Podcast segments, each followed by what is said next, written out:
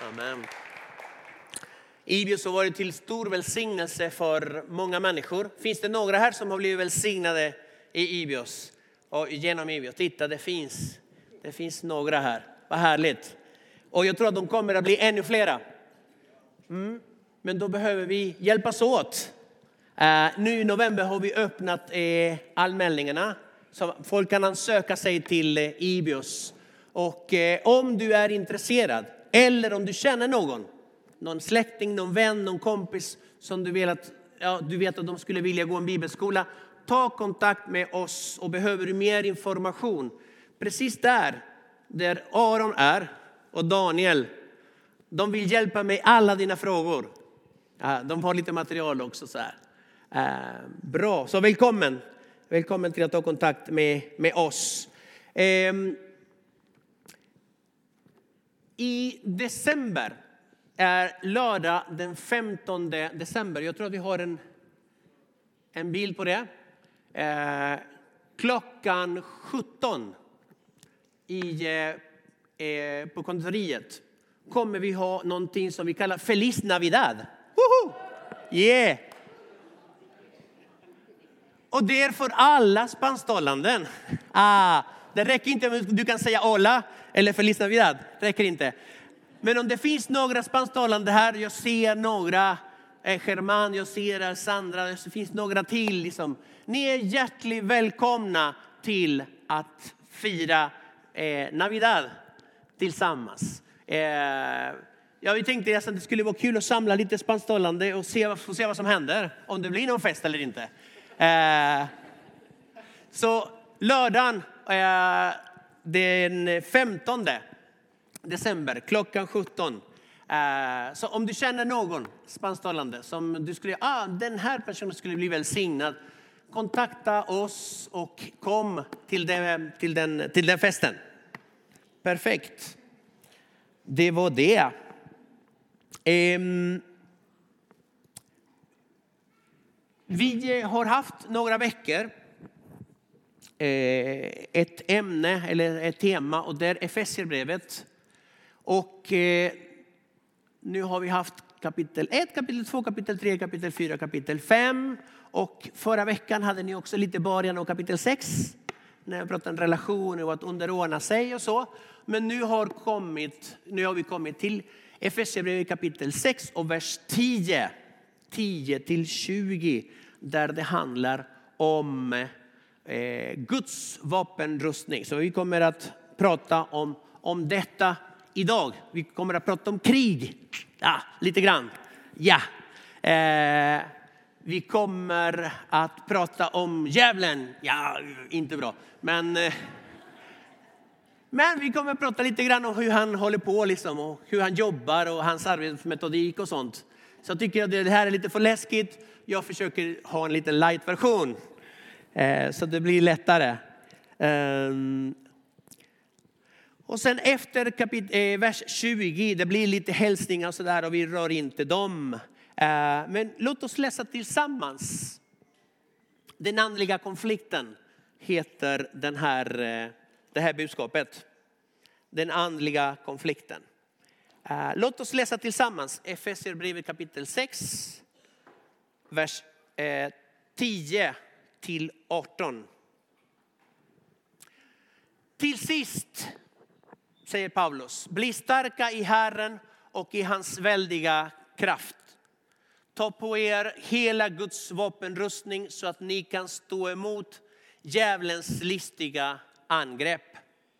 Ty vi strider inte mot kött och blod utan mot furstar och väldigheter och världshärskare här i mörkret mot ondskans andemakter i himlarna. Ta därför på er hela Guds vapenrustning så att ni kan stå emot på den onda dagen och behålla fältet sedan ni fullgjort allt.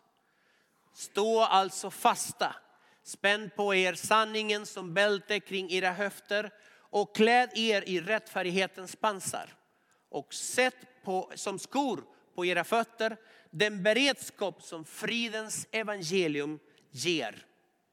Ta dessutom trons sköld Med den kan ni släcka den ondens alla brinnande pilar. Ta emot frälsningens hjälm och andens svärd som är Guds ord. Gör detta under ständig åkallan och bön och be alltid i anden. Vaka därför och håll ut i bön för alla de heliga. Herre Jesus, vi tackar dig för att du är en Gud som talar. Tack min Gud för att du har ett budskap till var och en som är här. Jag ber min Gud att det som du säger idag får landa i våra hjärtan och att du får ge den frukt du förväntar dig. Öppna våra hjärtan, öppna våra ögon så vi kan höra vad anden säger. I Jesu namn.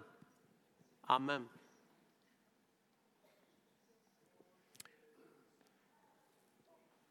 Alla vi människor på denna jord befinner oss i ett krig. Befinner oss i en strid. Och det är ett krig som utkämpas varje dag. Varje människa, du behöver inte ens vara troende.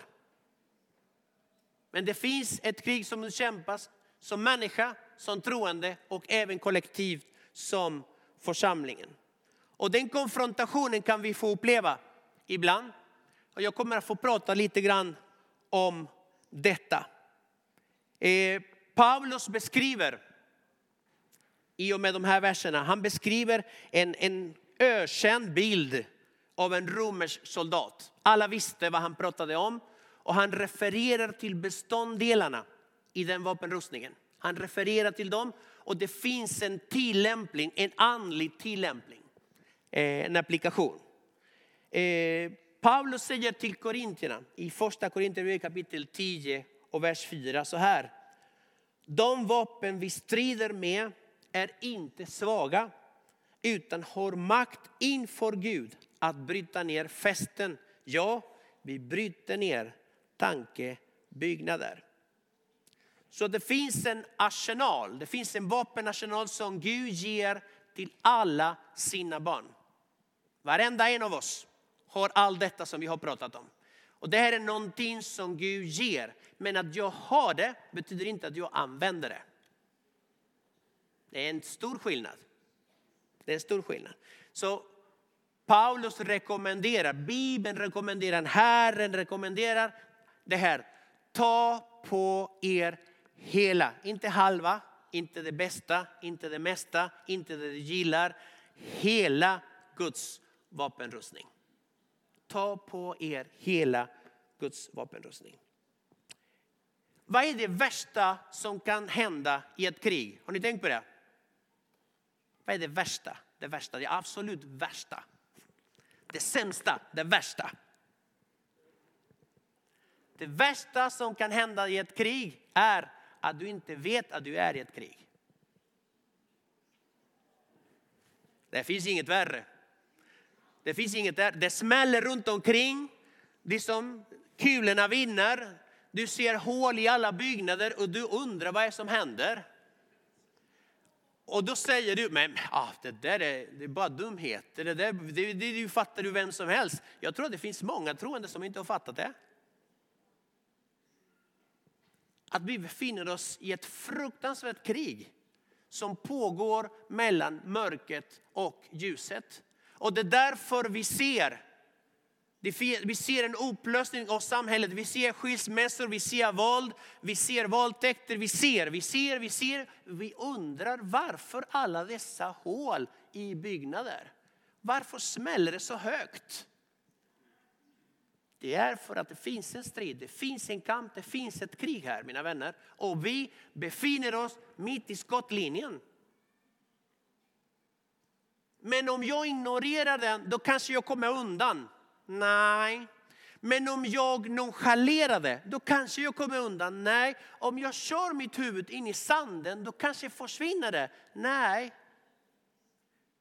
Men om jag inte bryr mig, då blir man påverkad ändå. För att det pågår. Så det finns bara två alternativ. Det ena är att jag inte gör någonting. Det andra är vad Bibeln rekommenderar. Ta på er hela Guds vapenrustning. Använd det du har fått av Gud. Det är hans råd.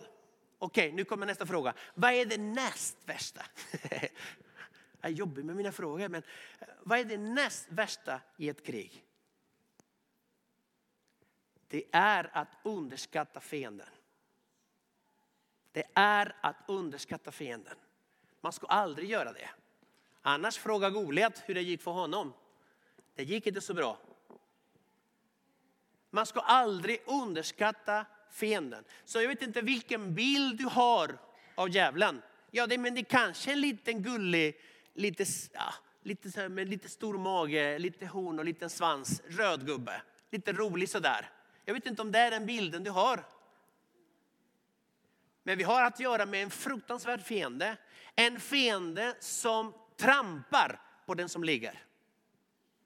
En fiende som inte respekterar att du, att du är frisk eller sjuk. En fiende som inte respekterar att du är ett barn eller att du är för gammal. Att du är stark eller att du är svag. Han struntar fullkomligt i. Utan får han en möjlighet att lägga sin fot på ditt huvud, det kommer han att göra. Och han kommer inte bara göra det mot dig, det kommer han att göra mot dina barn och dina barnbarn med. Så han är inte någon liten oskyldig gubbe med eh, horn och svans. Han är mycket, mycket värre än så. Det sämsta vi kan göra, eller det näst sämsta, förlåt, det är att underskatta honom. När Bibeln beskriver honom användes aldrig några fina ord. Aldrig. Aldrig några. Och Jesus säger, han har kommit, tjuven har kommit, bara, endast med ett syfte. Stjäla, slakta och döda. Stjäla, slakta och förgöra. Jag säger inte det här för att skrämma dig, utan för att, att vi ska vakna upp om vad som händer. Så att vi inte tillåter honom härja fritt in i våra familjer, in i våra äktenskap, in i våra arbetsplatser, in i våra kyrkor. Får vi prata så här? Är det okej? Okay? Okej, okay, men då kör jag på. Då sätter vi tvåan på det här. Bibeln säger så här att ni ska göra det här. Ni ska göra det här så att ni kan stå emot djävulens listiga angrepp. Och vid ett annat tillfälle säger Paulus till eh, korintierna, för att ni inte ska bli överlistade av Satan. Hans avsikter känner vi till. Så hans listiga angrepp, och jag kollade på, i, på grekiska vad det betyder. Ja, metodea. Mm, metodea, det har med metoder att göra. Alltså det finns en strategi. Satan har en strategi, Satan har metoder, Satan har eh, utstuderade tankar kring hur kan han förstöra din tro. Förstöra din relation med Gud, förstöra din relation med andra människor. Så att han har pilar. Det pratas om pilar här. Han har pilar och pilarna som han har, brinnande pilar, de är speciellt designade för dig. Mm. De är speciellt designade efter din personlighet, efter din hunger efter Gud, efter hur du är. Och de siktar, de siktar mot svaga punkter. De tänker inte träffa det du är som starkast, utan de tänker träffa det du är som svagast. Har ni märkt den saken att när djävulen frestar, han, han frestar aldrig med saker som vi inte gillar. Det skulle vara hur lätt som helst. När han kommer med ett förslag, men det där gillar jag inte, jag gillar inte det där. Nej, tvärtom. Han kommer med någonting som vi säger, mm, det ser lockande ut. Så gick det för Eva också. Mm. Han kommer alltid att locka oss och fresta oss med saker som vi gillar. Det finns någonting. Det är hans pilar, speciellt designade för dig. Att han är listig. De är listiga som en orm. Du vet att ormarna, det står redan i, i paradiset, det står liksom att, att ormen attackerar liksom vid hällen.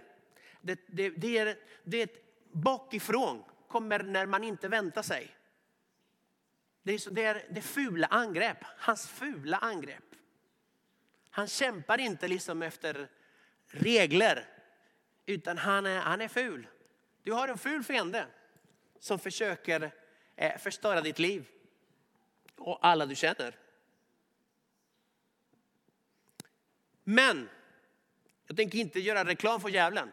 Utan, men, men, jag har kommit, säger Jesus, för att ni ska få liv och liv i överflöd. Mm.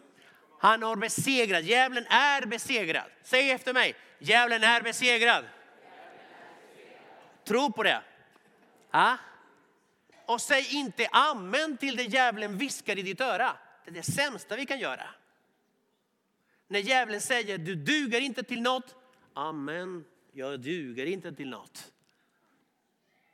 Mm, din familj är helt förstörd och värre kommer det att bli. Amen, min familj är förstörd och värre kommer det att bli. Säg inte amen till det djävulen viskar i ditt öra. När han säger att du inte duger, att Gud kan inte använda ditt liv. Att din situation kommer inte att förändras, det kommer inte att bli bättre, det kommer att bli sämre. Säg inte amen till det. Men säg alltid amen till det Gud säger. Du är skapat underbar. Du är, du är det bästa jag har. Hela himlens uppmärksamhet är riktad, eh, riktad mot dig. Jag tänker använda ditt liv. Du är ett redskap i mina händer. Det säger vi amen till. Amen. Amen. Ingen, ingen ska underskatta att du är för ung eller för gammal eller för svag eller för sjuk. Ingen. Utan Gud kan använda vem som helst. Om Gud kan använda vem som helst, Gud använd mig. Använd mig. Och säg alltid amen till det. När Guds ord talas ut, när Gud talar till dig. Amen, greppa det ordet och börja springa med det. Okej? Okay? Du kanske är medveten om striden. Jag kanske är medveten om att vi har en fiende. Eh, vad mer sa jag liksom, att, att, att inte underskatta fienden, precis. Det tredje, det näst, näst sämsta vi kan göra, det är att ge upp. Det är att när man har varit med ett tag och sen orkar man inte mer. Att man låter armarna bara falla och säga ja, här ger jag upp. Ja, jag vet inte om du har varit någon gång i närheten av det. Finns det några här? Finns det några här som någon gång har känt, här, det här går inte att vinna. Här, det här är som, Goliat är för stor. Goliat är för erfaren. Goliat är för, han har för stora vapen. Jag fixar inte det här. Men budskapet idag mina vänner är att i Herren kan vi alltid segra. Det här är inte kliché bara, det här är inte någonting som man lägger liksom på bilen. Jag är mer än segrare i hans namn. Utan det är en verklighet. Han gör dig till en segrare. Han gör mig till en segrare. Han vill segra. Han har inte kommit till jorden för att misslyckas mina vänner. Han har kommit för att lyckas och han vill lyckas och bli förhärligad genom ditt liv. Genom dig. Och när Goliat kommer, han kommer alltid att ge dig flera stenar så du kan träffa honom i pannan. Han kommer alltid att ge dig ett ord. Han kommer alltid att ge dig ett löfte. Och du kommer att se Goliat falla. Räck upp handen ni som har varit nära, men som Herren har upprättat, lyft och gett segern. Det finns vittnen bland oss att Herren ger seger. Så låt oss inte ge upp. Fortsätt min vän, fortsätt. Vi ber för varandra, vi tror på dessa underbara löften och vi kommer att se att Herren segrar. Jag sa i början att vi befinner oss under attack. Men inte bara du som befinner dig under attack, utan det finns ett, ett, ett mål, främst ett mål. Och det är din tro. Det är din tro som är under attack. Din relation till Gud, vad du tänker om honom, hur du förhåller dig till hans ord och hans löften. Det är dit han vill nå. Får han dig att ge upp, får han dig att ifrågasätta, kanske Gud älskar mig inte trots allt. kanske den känslan som jag har på insidan och som det bubblar mer och mer, det stämmer. Att Gud har glömt mig. Att Gud har övergivit mig. Nej, utan Gud är en Gud som inte kan glömma. Gud är en Gud som inte kan överge. Gud är en Gud som inte kan vända ryggen. Gud är en Gud som bara älskar och som bara vill ha mer och mer. Välsigna ditt liv. Var inte så försiktiga när ni säger amen. Det här är Guds ord.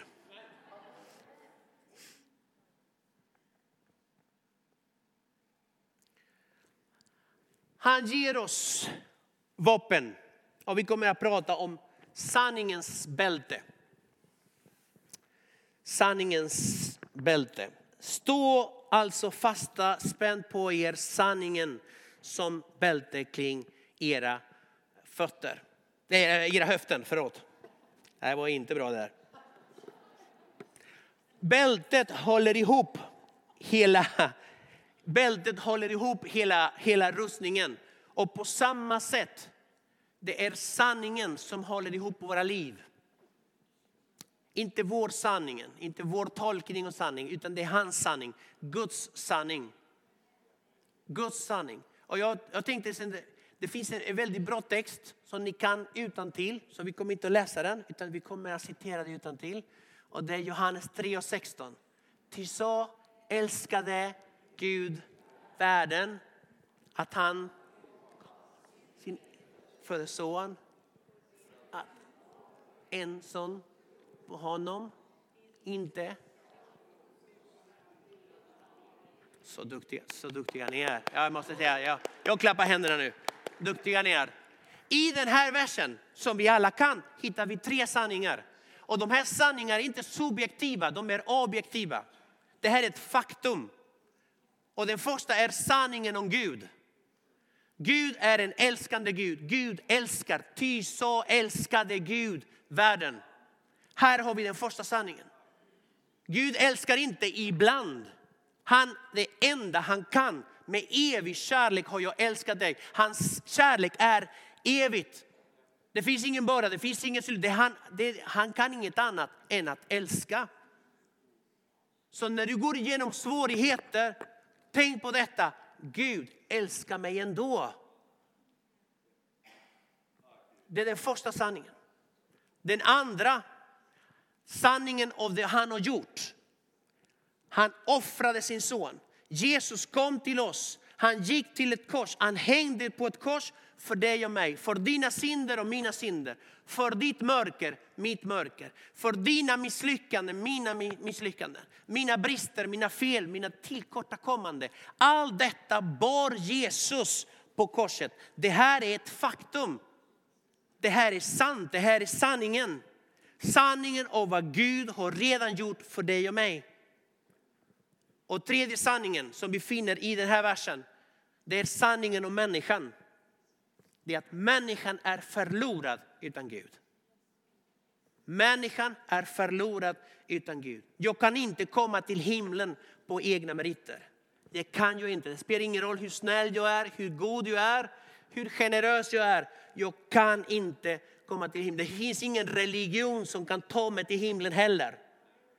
Utan det finns bara en väg och den vägen byggdes uppifrån och neråt. Fadern byggde en väg till oss och den heter Jesus. Det är en sanning. När vi talar ut den här sanningen, det är då människor kan komma i kontakt med Gud.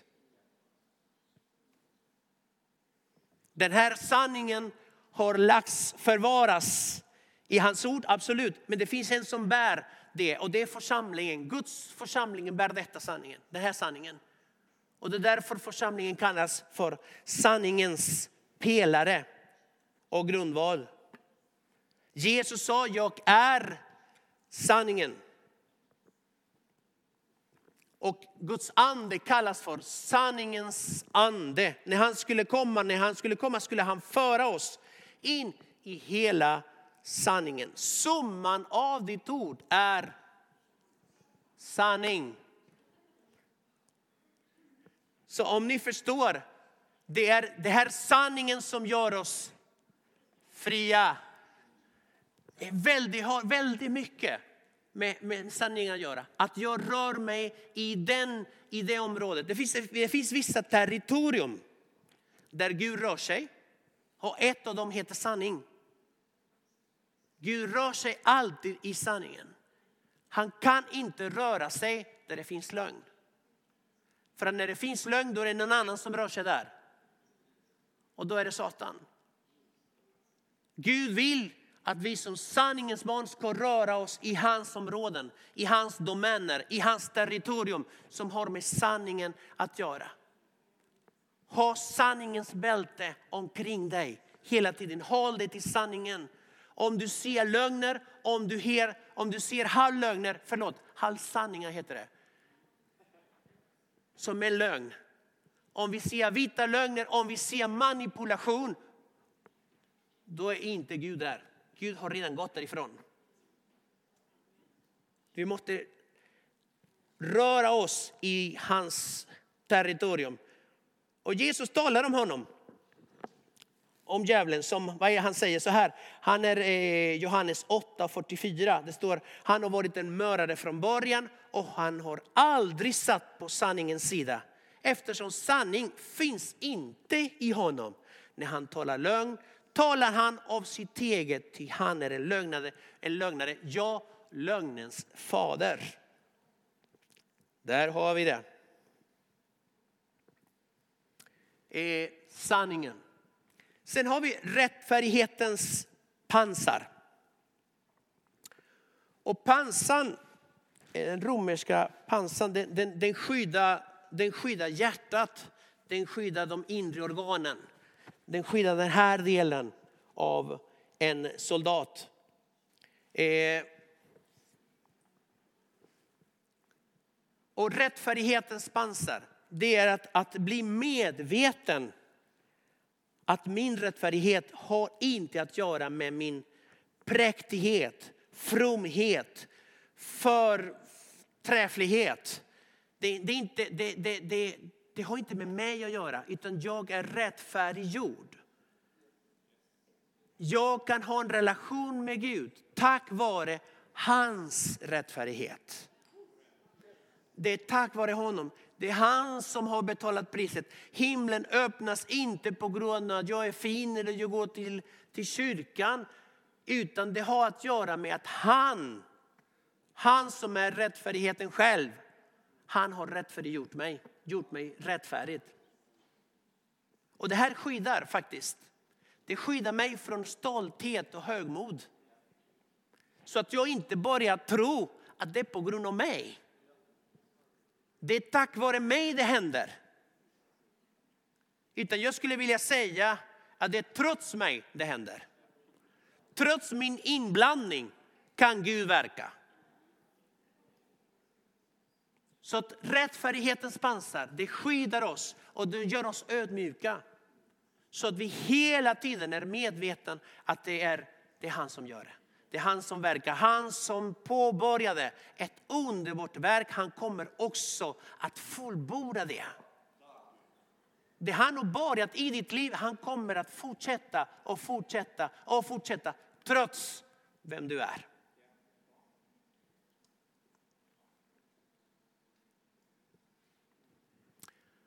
Vilighetens skor.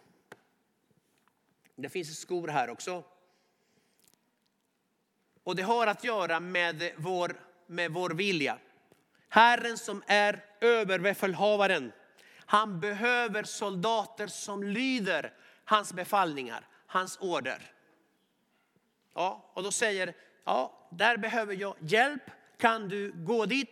Ja, ja inte, inte nu, jag är lite, nej, det känns så, inte, det, jag känner inte. Det, stämningen stämmer inte. Nej, inte idag, inte idag Herre. Inte idag.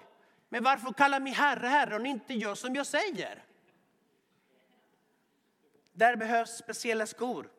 Mm. Villighetens skor. Som ställer upp hela tiden. Så när Herren säger nu, då säger vi amen, psh, vart? Och då springer vi. Jag vet inte om jag har berättat det här apropå ovillig. jag, jag säger att vi ska vara villiga, men jag har inte varit villig alla gånger. Jag kommer ihåg, vi var på någon, jag var på någon missionsresa, det här var för länge sedan. Ecuador. Ecuador var vi. Vi var på en, en indianstad i närheten av gränsen till Bolivia. Det var Amazonas där. Det var en väldigt intressant resa. Det var en kampanj och jag skulle tolka, eh, skulle tolka till spanska. Och du vet när man tolkar, ni, ni som är tolkar, ni vet att en timme, oh, men andra timmen känner man, oh. Och tredje timmen känner man, what? Eh, ungefär så. Jag hade gjort nu i tre veckor så min hjärna var, det var bara yoghurt där inne. Liksom det var, kavlarna liksom hittade inte varandra. Slangarna, så brukar Rosa säga, slangarna var liksom inte kopplade. Oj vad trött jag var. Men så efter en kampanjkväll, alltså jag är så trött, så trött. Jag, bara, jag ser sängen bara. Ah, det är som jag bara njuter av att tänka på sängen. Och nu är jag på väg dit, jag hör Guds röst som säger, jag är precis inne i hotellet och säger Herren, du, du ska in i den där, i den där lilla gatan där, eh, passagen där, för jag vill att du ska gå dit. Och då börjar jag, eh, ja, grejen är så här, att jag har i tre veckor har jag jobbat och jag är väldigt, väldigt trött. Jag vill att du ska gå dit. Jo, jag förstår. Men, eh, du vet, har du gjort det någon gång? Att man bara dealar med Gud, liksom, eh, man bara liksom diskuterar och liksom, ah, Gud, jag tror jag har, jag tror jag har en bättre idé. Eh, om vi gör så här. Och Gud bara, nej, gå, gå dit. Jag är så trött, jag jag orkar inte. Jag orkar inte. Gå dit. Alltså tonen bara blir liksom, Mm, mm, liksom. Och då, okej, okay, okej, okay, jag går. Jag är så trött. Jag går. Och när jag går in i den där eh, passagen, eller gatan, vad heter det, gränd, gränd. Den där gränden. Då finns det några ungdomar som är där. Jag kan ha sju, åtta stycken och sådär. Och jag liksom, hej, hej, liksom, nu har jag varit liksom på kampanj, jag vet inte. Och då började jag prata och då märkte jag att det var öppet. Det var helt öppet. Och liksom, har ni hört talas om Jesus? Ja. ja liksom, och, och liksom, Eh, men ni vet att han har dött för våra, våra synder. Ja, ja, ja. Och liksom, skulle ni vilja liksom bjuda Jesus in i era hjärtan? Ja, ja, ja. Jag tänkte, nej, du vet, det här gick för lätt. Nej, nej, nej. Nej, nej, vi backar bandet. och då var jag försöka ju igen. Och det är liksom, ja, ja. ja. Men vill ni bli frälsta? Men vi vet inte hur man gör. Uh, Okej, okay. men då, då ber vi.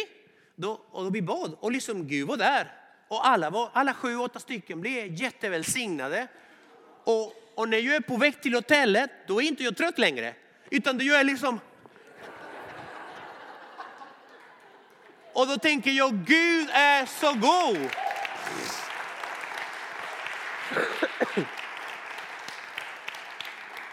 Wow, vad Gud är stor. Wow, vad Gud är god. Åh, vad ovillig jag var. Och vet du vad, grejen är så här, jag kunde ha gått in. Jag kunde ha lagt mig i min säng och sova gott. Eller jag vet inte hur gott man kunde sova där. Men det fanns sju, åtta stycken ungdomar som hade missat ett tillfälle att ta emot Jesus. Sen träffade jag dem under kampanjen och de verkligen, alltså, de var hur glada som helst. Gud verkligen ville nå dem och Gud vill nå människor runt omkring dig. Det finns släktingar, det finns vänner, det finns grannar, det finns arbetskamrater, det finns klasskamrater. Gud verkligen vill nå dem.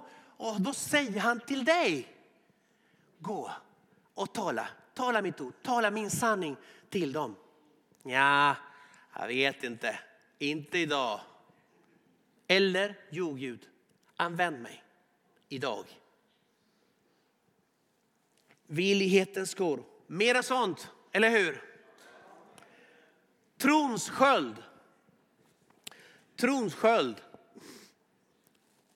Ta dessutom trons sköld, med den kan ni släcka den ondens alla brinnande pillar. Och vi har pratat lite grann om pillarna. Eh, de här är brinnande. De är, och grejen är så här, där den träffar en pille, en, en pille eh, den, den sprider sig. Det är det som är grejen. Den träffar inte bara där. Har ni tänkt på det? Att det börjar med en tanke. Det börjar någonstans, en liten tanke, en tanke. Men kort därefter, det handlar inte bara om den, utan det sprider sig mer. i det området. Och inte bara där, det börjar röra sig i andra områden i mitt liv. Men trons sköld, upp med den.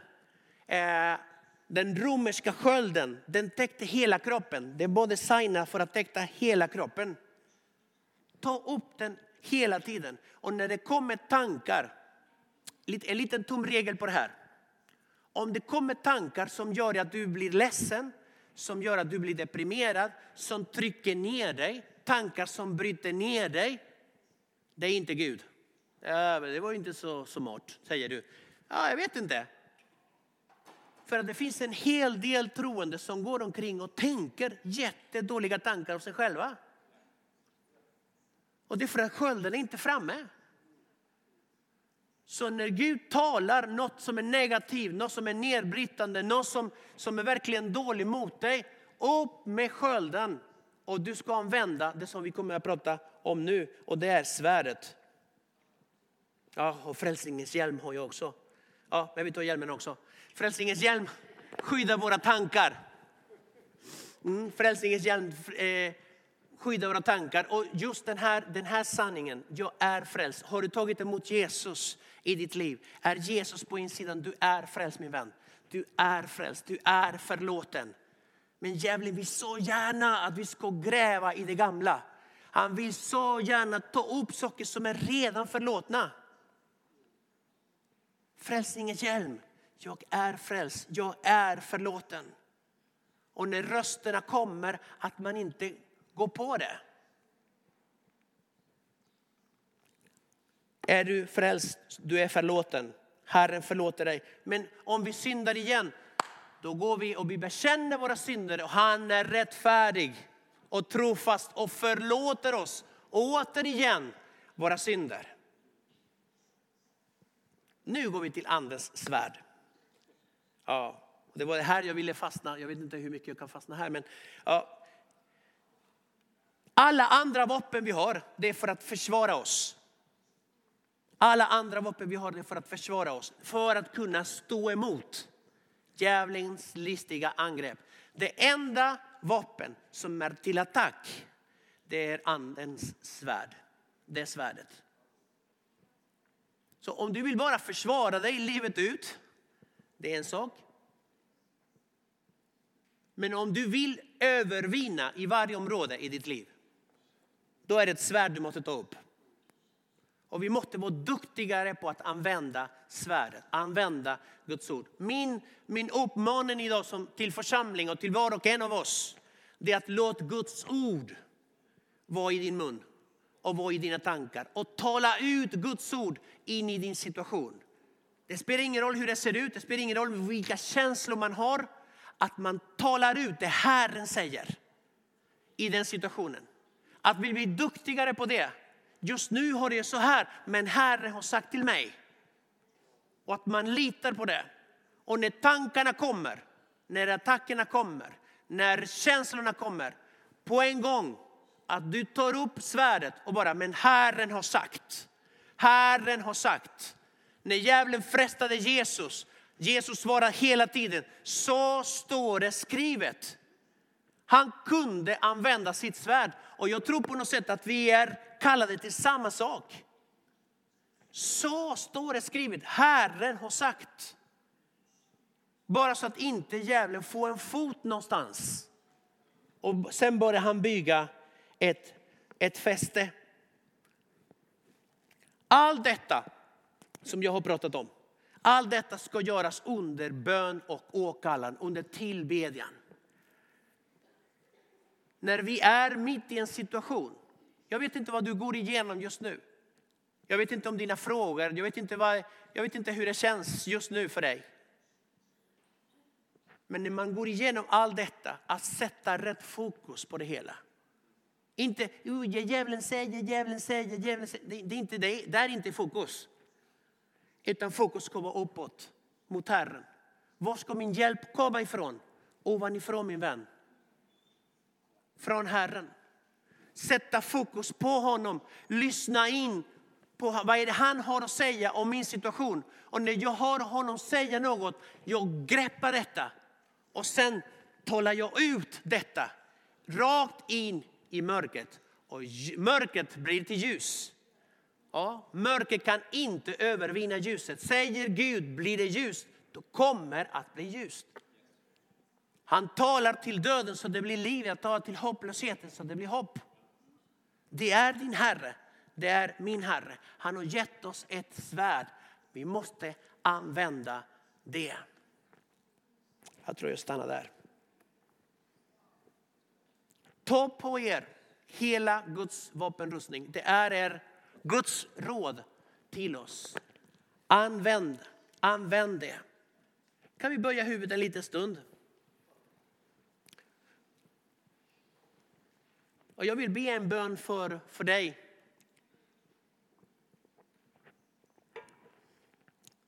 Du som ser djävulen härja fritt i din familj.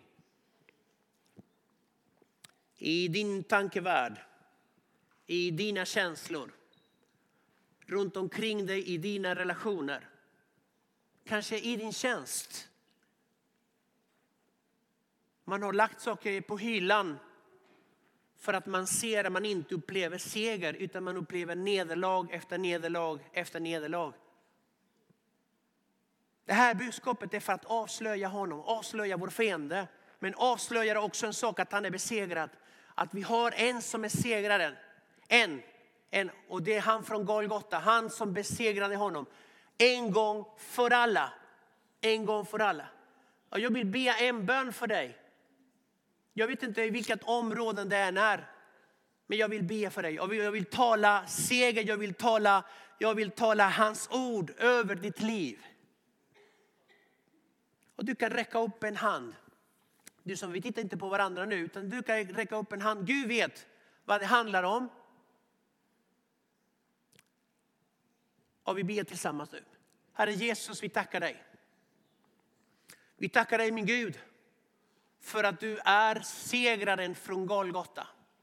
Tack min Gud för att du har betalat priset för var och en av oss. Vi tackar dig min Jesus för att vi är dina älskade barn. Tvättade med det underbara blodet som rann från det korset. Tack Jesus. Tack min Gud. Tack min Gud för att din nåd är ny varje morgon. Tack min Gud för allt förmår vi i dig som ger oss ny kraft. Tack för att i dig är vi mer än segrare. Jag ber just nu min Gud för alla dessa som räckte upp handen. För alla dessa som upplever nederlag i vissa områden i sina liv. Att du kommer min Herre och att du kommer med din kraft. Att du uppenbarar din härlighet, att du uppenbarar vem du är Herren. Vad du har gjort med Gud och vad din vilja är i den här tiden. Vi tar emot min Gud din frid, vi tar emot din kärlek. Vi tar emot din seger i våra situationer. Och lär oss min Gud att tala ut ditt ord. Att tala till bergen dina underbara ord. För att kraften, din kraft finns i dina ord Herre. I Jesu underbara namn. Amen. Amen. Amen.